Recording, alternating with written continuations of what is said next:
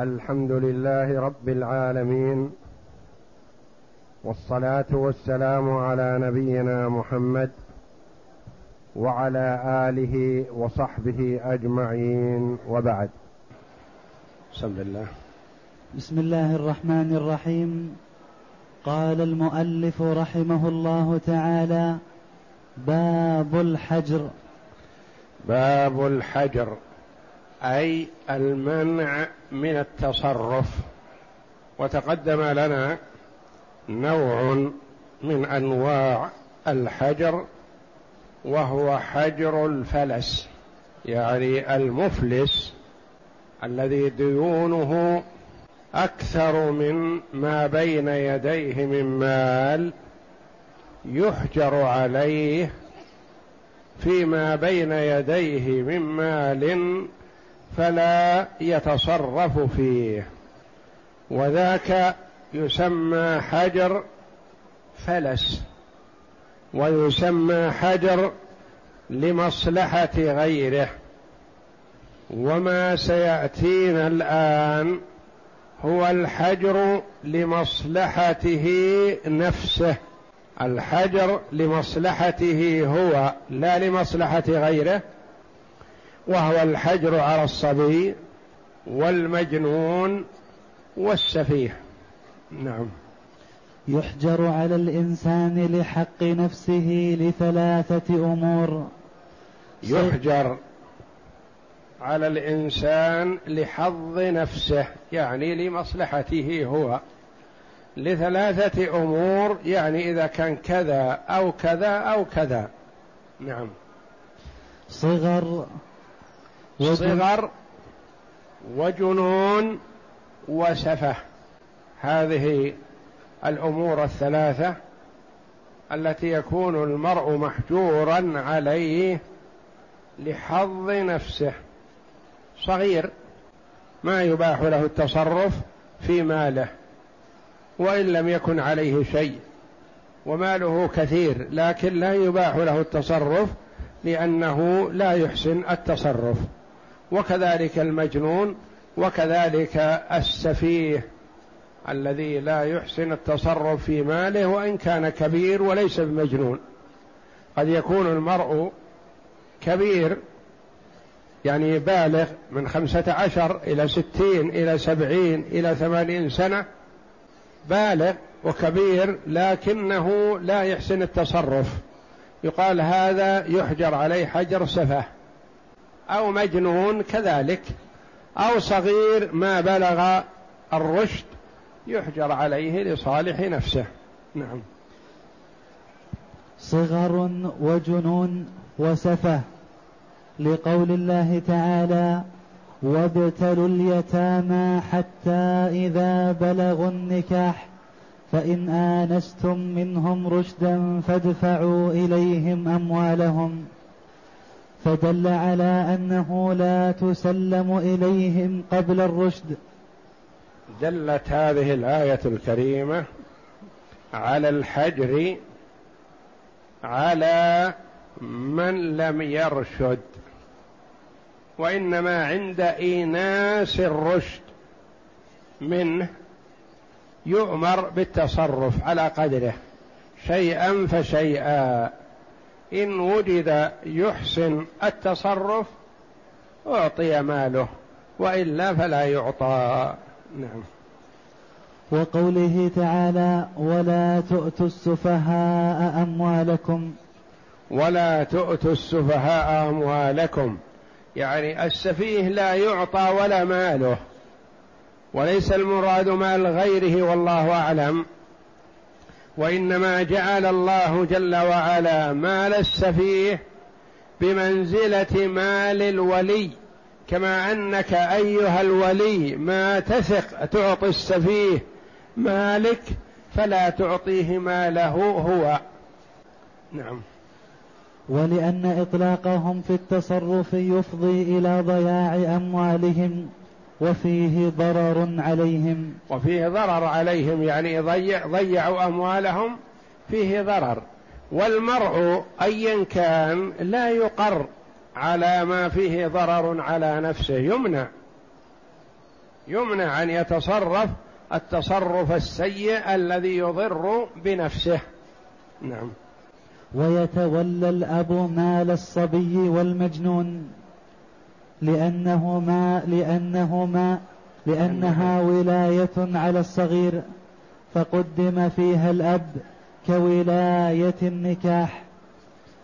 ويتولى الأب مال الصبي والمجنون.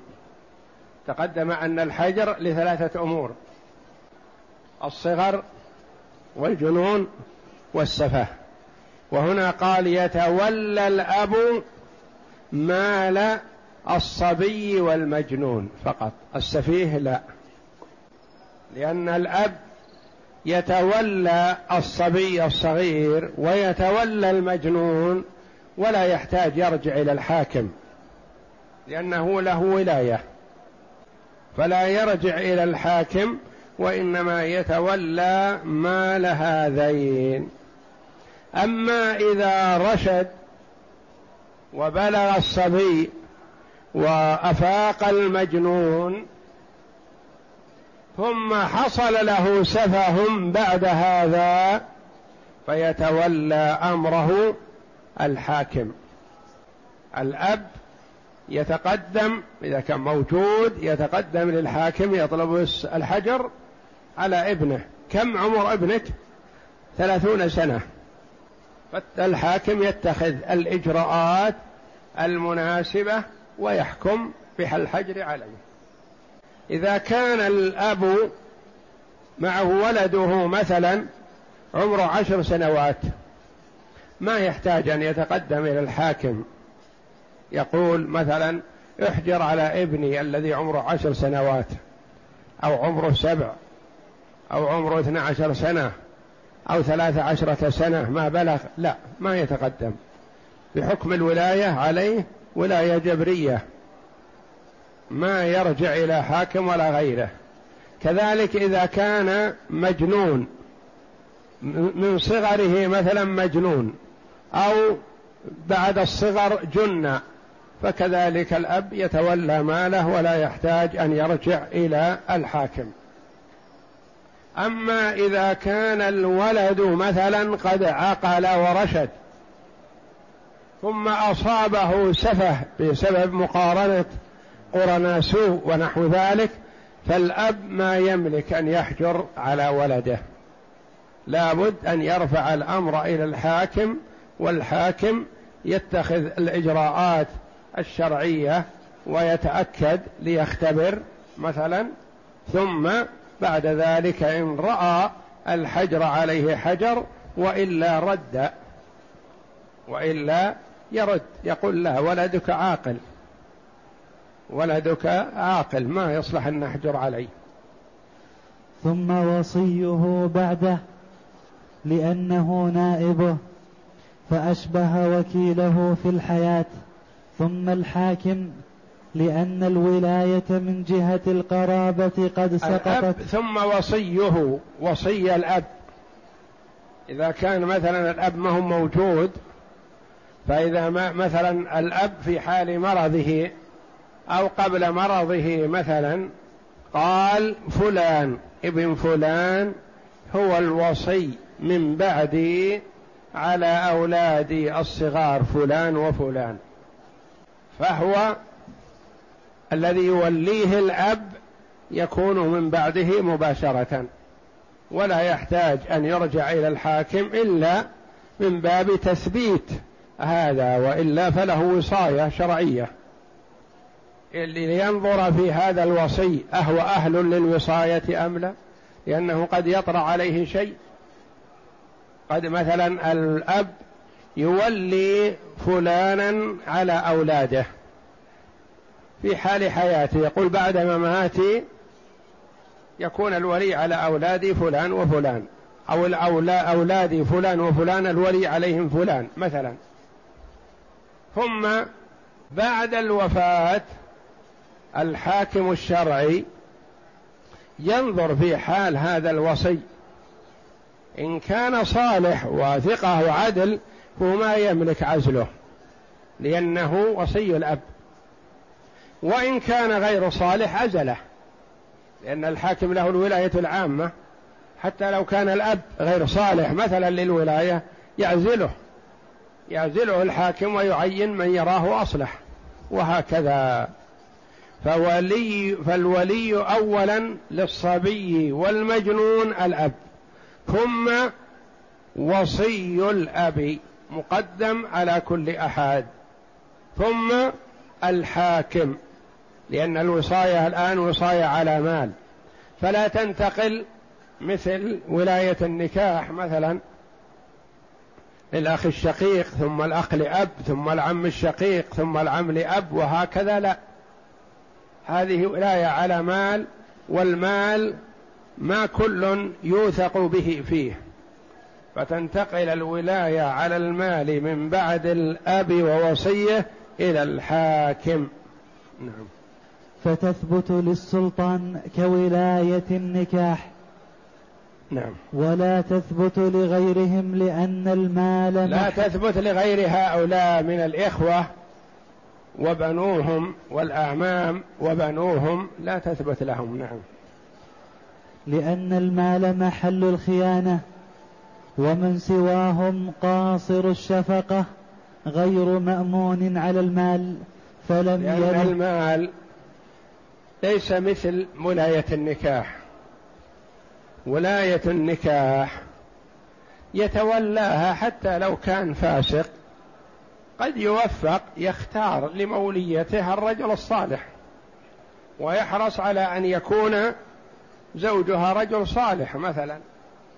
لكن ولاية المال الفاسق إذا سلم المال قد يأكله ويذهبه ويضيعه. وليس عند الإخوة والأعمام ما عند الأب من الشفقة والحنان. فلذا لا يؤتمنون. يكون الولي من بعد الأب ووصية الحاكم ثم الحاكم. له أن يتولى هذا الشيء بنفسه وله أن يولي من يراه صالحا. نعم.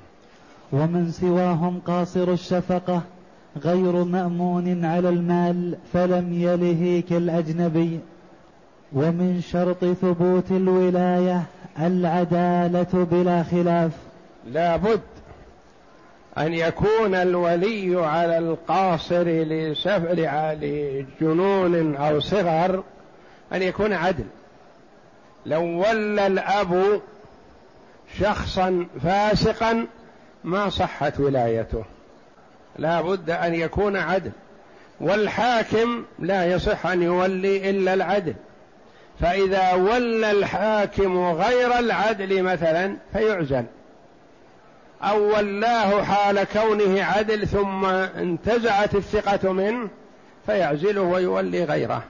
ولا يصح أن يكون الولي على القاصر غير عدل. نعم. لأن في تفويضها إلى الفاسق تضييعا لماله فلم يجز كتفويضها إلى السفيه. لأن الفاسق ليس محل الثقة. قد يأكل المال أو يضيعه أو يعمل فيه عملا لا يجوز شرعا كالربا والقمار ونحو ذلك. وإن كان يقصد من وراء ذلك الربح لليتيم أو للقاصر فلا يقر على هذا لأن الفاسق ليس محل الثقة فلا يؤتمن على مال القاصر. نعم. فصل.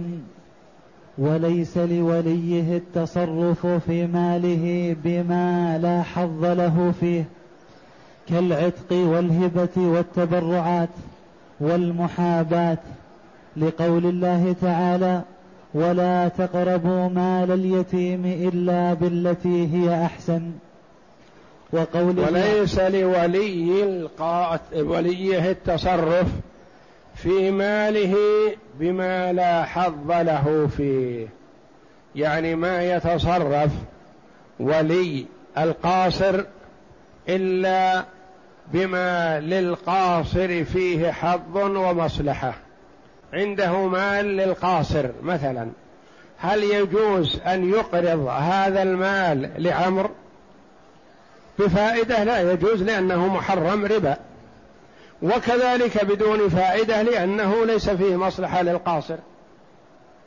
هل يجوز لولي القاصر أن يعتق أمته التي ورثها من أبيه أو أمه؟ لا ما يجوز له. هل يجوز لولي القاصر أن يتصدق عنه؟ لا يتصدق عنه إلا الزكاة الواجبة. فلا يتصرف في ماله إلا لمصلحته. لقوله جل وعلا ولا تقربوا مال اليتيم إلا بالتي هي أحسن. أحسن لليتيم. شيء فيه مصلحة لليتيم اشتغل فيه. شيء لا مصلحة فيه لليتيم؟ لا. وقوله عليه الصلاة والسلام لا ضرر ولا ضرار. لا ضرر ولا ضرار. لا تضر أحد غيرك. لأنه إذا تبرع من مال اليتيم نفعه أو ضره لا ضره. أذهب ماله. وما مصلحة اليتيم من التبرع؟ هو أحق بماله إلا ما أوجب الله عليه.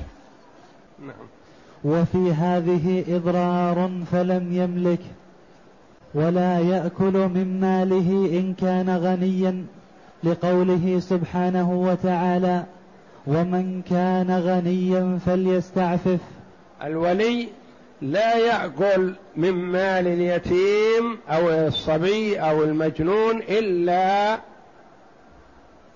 إذا كان فقيرا لا يستطيع أن يعمل إلا بشيء. أما إذا كان الولي غني فالأولى له أن لا يأخذ من مال اليتيم شيئا. لقوله جل وعلا ومن كان غنيا فليستعفف عن مال اليتيم يعني يوفره له يتعفف عنه يعمل فيه لمصلحة اليتيم ولا يأخذ منه شيئا. نعم. فإن كان فقيرا جاز. لقول الله تعالى ومن كان فقيرا فليأكل بالمعروف. فإذا كان الولي فقير وهو يعمل في مال اليتيم فليأكل بالمعروف. يأكل من غير أن يضر باليتيم.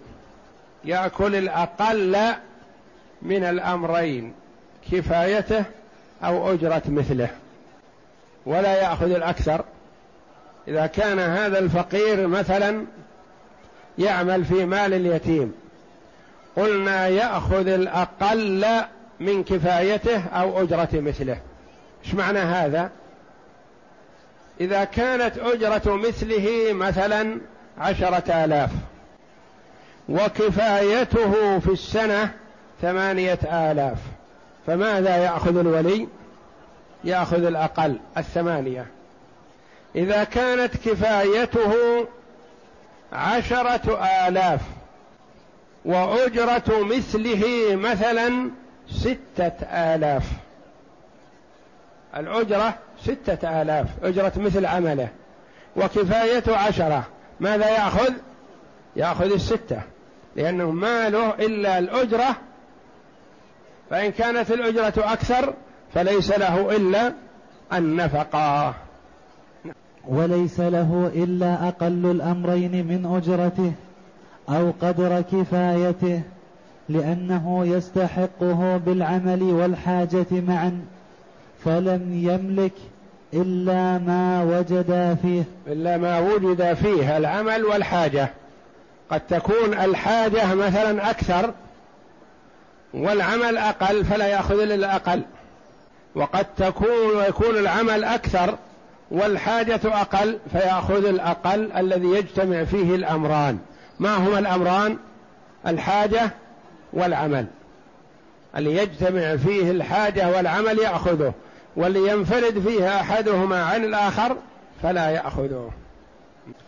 ثم إن كان أبا فلا شيء عليه لأن له أن يأخذ من مال ولده. إن كان هذا العامل في مال القاصر هو الأب مثلا فلا يلزمه إعادة ما أكل. لأن للأب أن يتملك من مال ولده ما لا يضره ولا يحتاجه. نعم. وإن كان غيره ففيه روايتان إحداهما يضمن عوض ما أكله ما أكله إذا أيسر. لأنه استباحة للحاجة فلزمه عوضه كالمضطر. والثانية لا شيء عليه لأن الله تعالى أمر بالأكل ولم يذكر عوضا ولأنه أجيز له الأكل بحق الولاية فلم يضمنه. ثم إذا أكل إن كان أب فلا يلزمه شيء. لأن الأب له أن يأكل من مال ولده ما لا يضر الولد ولا يحتاجه الولد. صغيرا كان الولد أو كبيرا. إن كان ولي القاصر هذا غير الآب ثم أكل لعمله وحاجته ثم أيسر بعد ذلك. ففيه روايتان. إحداهما تقول يعيد ما أكل ما دام يسر الله عليه والله جل وعلا يقول ومن كان غنيا فليستعفف وهذا أغناه الله فيستعفف عن مال اليتيم فيرد ما أكل. الرواية الثانية ولعلها أقرب والله أعلم تقول لا يرد لأنه أخذ ما أخذ مقابل عمل وحاجة فحال أخذه كان يعمل. وكان محتاجا والله جل وعلا يقول ومن كان فقيرا فليأكل بالمعروف فهو فقير وأكل. أكل مقابل عمله وحالة كونه فقير. والله جل وعلا ما أمره بالإعادة ولو كانت الإعادة واجبة لأمر بها في الآية أو الحديث. فلم يضمنه كرزق الإمام من بيت المال. وإذا كان كرزق الإمام من بيت المال. يعني الإمام يأكل من بيت المال مقابل عمله. إذا أيسر الإمام يعني إن استعف الإمام عن بيت المال ولم يأكل منه فحسن لكنه أكل لحاجته. ثم أيسر هل يرد؟ لا ما يرد لأنه أكل لحاجته ولعمله لصالح المسلمين. نعم. وإذا كان خلط مال اليتيم بماله أرفق له مثل أن يكون ألين من الخبز وأمكن في الأدم خلطه وإن كان خلطه وإن كان إفراده خيرا له أفرده لقول الله تعالى ويسألونك عن اليتامى قل إصلاح لهم خير وإن تخالطوهم فإخوانكم. ثم ولي اليتيم ينظر. إن كان إفراد مال اليتيم على حدة وإطعامه منه خير له فليفعل هذا. وإن كان خلط نفقته مع نفقة عياله خير لليتيم فله أن يفعل هذا. فهو مؤتمن على هذا وعليه أن يحذر عن إجحاف باليتيم. الصحابة رضي الله عنهم لما نزل إن الذين يأكلون أموال اليتامى ظلما إنما يأكلون في بطونهم نارا وسيصلون سعيرا. وقال تعالى ولا تقربوا مال اليتيم إلا بالتي هي أحسن. تحرجوا رضي الله عنهم. فجعلوا لليتيم طعام منفرد وقدر خاص ونار خاصة ونفقه كأنه في بيت مستقل وحده. ثم وقعوا في الحرج. قد يطبخ لليتيم الطعام فلا يأكل إلا نصفه أو ربعه ويبقى الباقي. إن حفظوه له وجبة ثانية فسد ربما يضر اليتيم. وإن أكلوه وأطعموه أولادهم والله جل وعلا يقول إن الذين يأكلون أموال اليتامى ظلما إنما يأكلون في بطونهم نارا وسيصلون سعيرا. وإن رموه لأنه فاسد ضرر على اليتيم. فتحرجوا رضي الله عنهم وسألوا النبي صلى الله عليه وسلم. ماذا نصنع؟ فأنزل الله جل وعلا ويسألونك عن اليتامى قل إصلاح لهم خير وإن تخالطوهم فإخوانكم. والله يعلم المفسد من المصلح. يقول الله جل وعلا قل إصلاح لهم خير اعملوا الأصلح. أنت مؤتمن على مال هذا اليتيم اعمل الأصلح. إن كان الأصلح انفراده أفرده. وإن كان الأصلح لا غير هذا فاخلطه مع مالك يعني النفقة فقط. ما هم كل المال. قل إصلاح لهم خير. إذا كان الأكل شيء مثلا ما يفسد وفي إفراد اليتيم بأكله وطعامه مثلا على حدة حفظ لماله. تكون نفقته أقل ويكون في توفير له فأفرده على حدة. وإن كان إفراده على حدة ضرر عليه وإتلاف لماله فاجعل نفقته مع نفقتك احسب بمقدار نفقتك وعيالك وخذ من مال اليتيم بقدرها واجعلها جميع. وإن تخالطوهم فإخوانكم هم إخوانكم وأبناؤكم ولهم حق عليكم. والله يعلم المفسد من المصلح. لا تخفى عليه خافية. يعلم جل وعلا ما في نفسك أيها الولي. إن كنت تقصد نفع نفسك ونفع أولادك في مال اليتيم مثلا فالله مطلع على ذلك. ويعاقبك على هذا. وإن كنت تقصد التوفير لليتيم والرفق بماله وتقصد حفظ ماله حتى لا يفسد منه شيء فالله جل وعلا مطلع على ذلك ويثيبك عليه. لأن المرأة قد يكون مثلا هو ومن تحت يده مثلا خمسة اللي يجب عليهم نفقتهم. والسادس اليتيم. فيأخذ بمقدار سدس النفقة ليجعلها شركة لليتيم. إن كان قصد بهذا الإرفاق بنفسه وعياله فالله مطلع على ذلك. وإن كان قصد بهذا حفظ مال اليتيم وتوفيره فالله مطلع جل وعلا على ذلك. يعلم هذا وهذا ويثيبك على الخير ويعاقبك إذا شاء على الشر. وفي هذا تحذير وحفز وحث للهمم للإحسان إلى اليتيم. ويسألونك عن اليتامى قل إصلاح لهم خير وإن تخالطوهم فإخوانكم والله يعلم المفسد من المصلح. يعلم جل وعلا ما في نفوس العباد فيثيبهم عليها بالخير ويعاقبهم إذا شاء على الشر.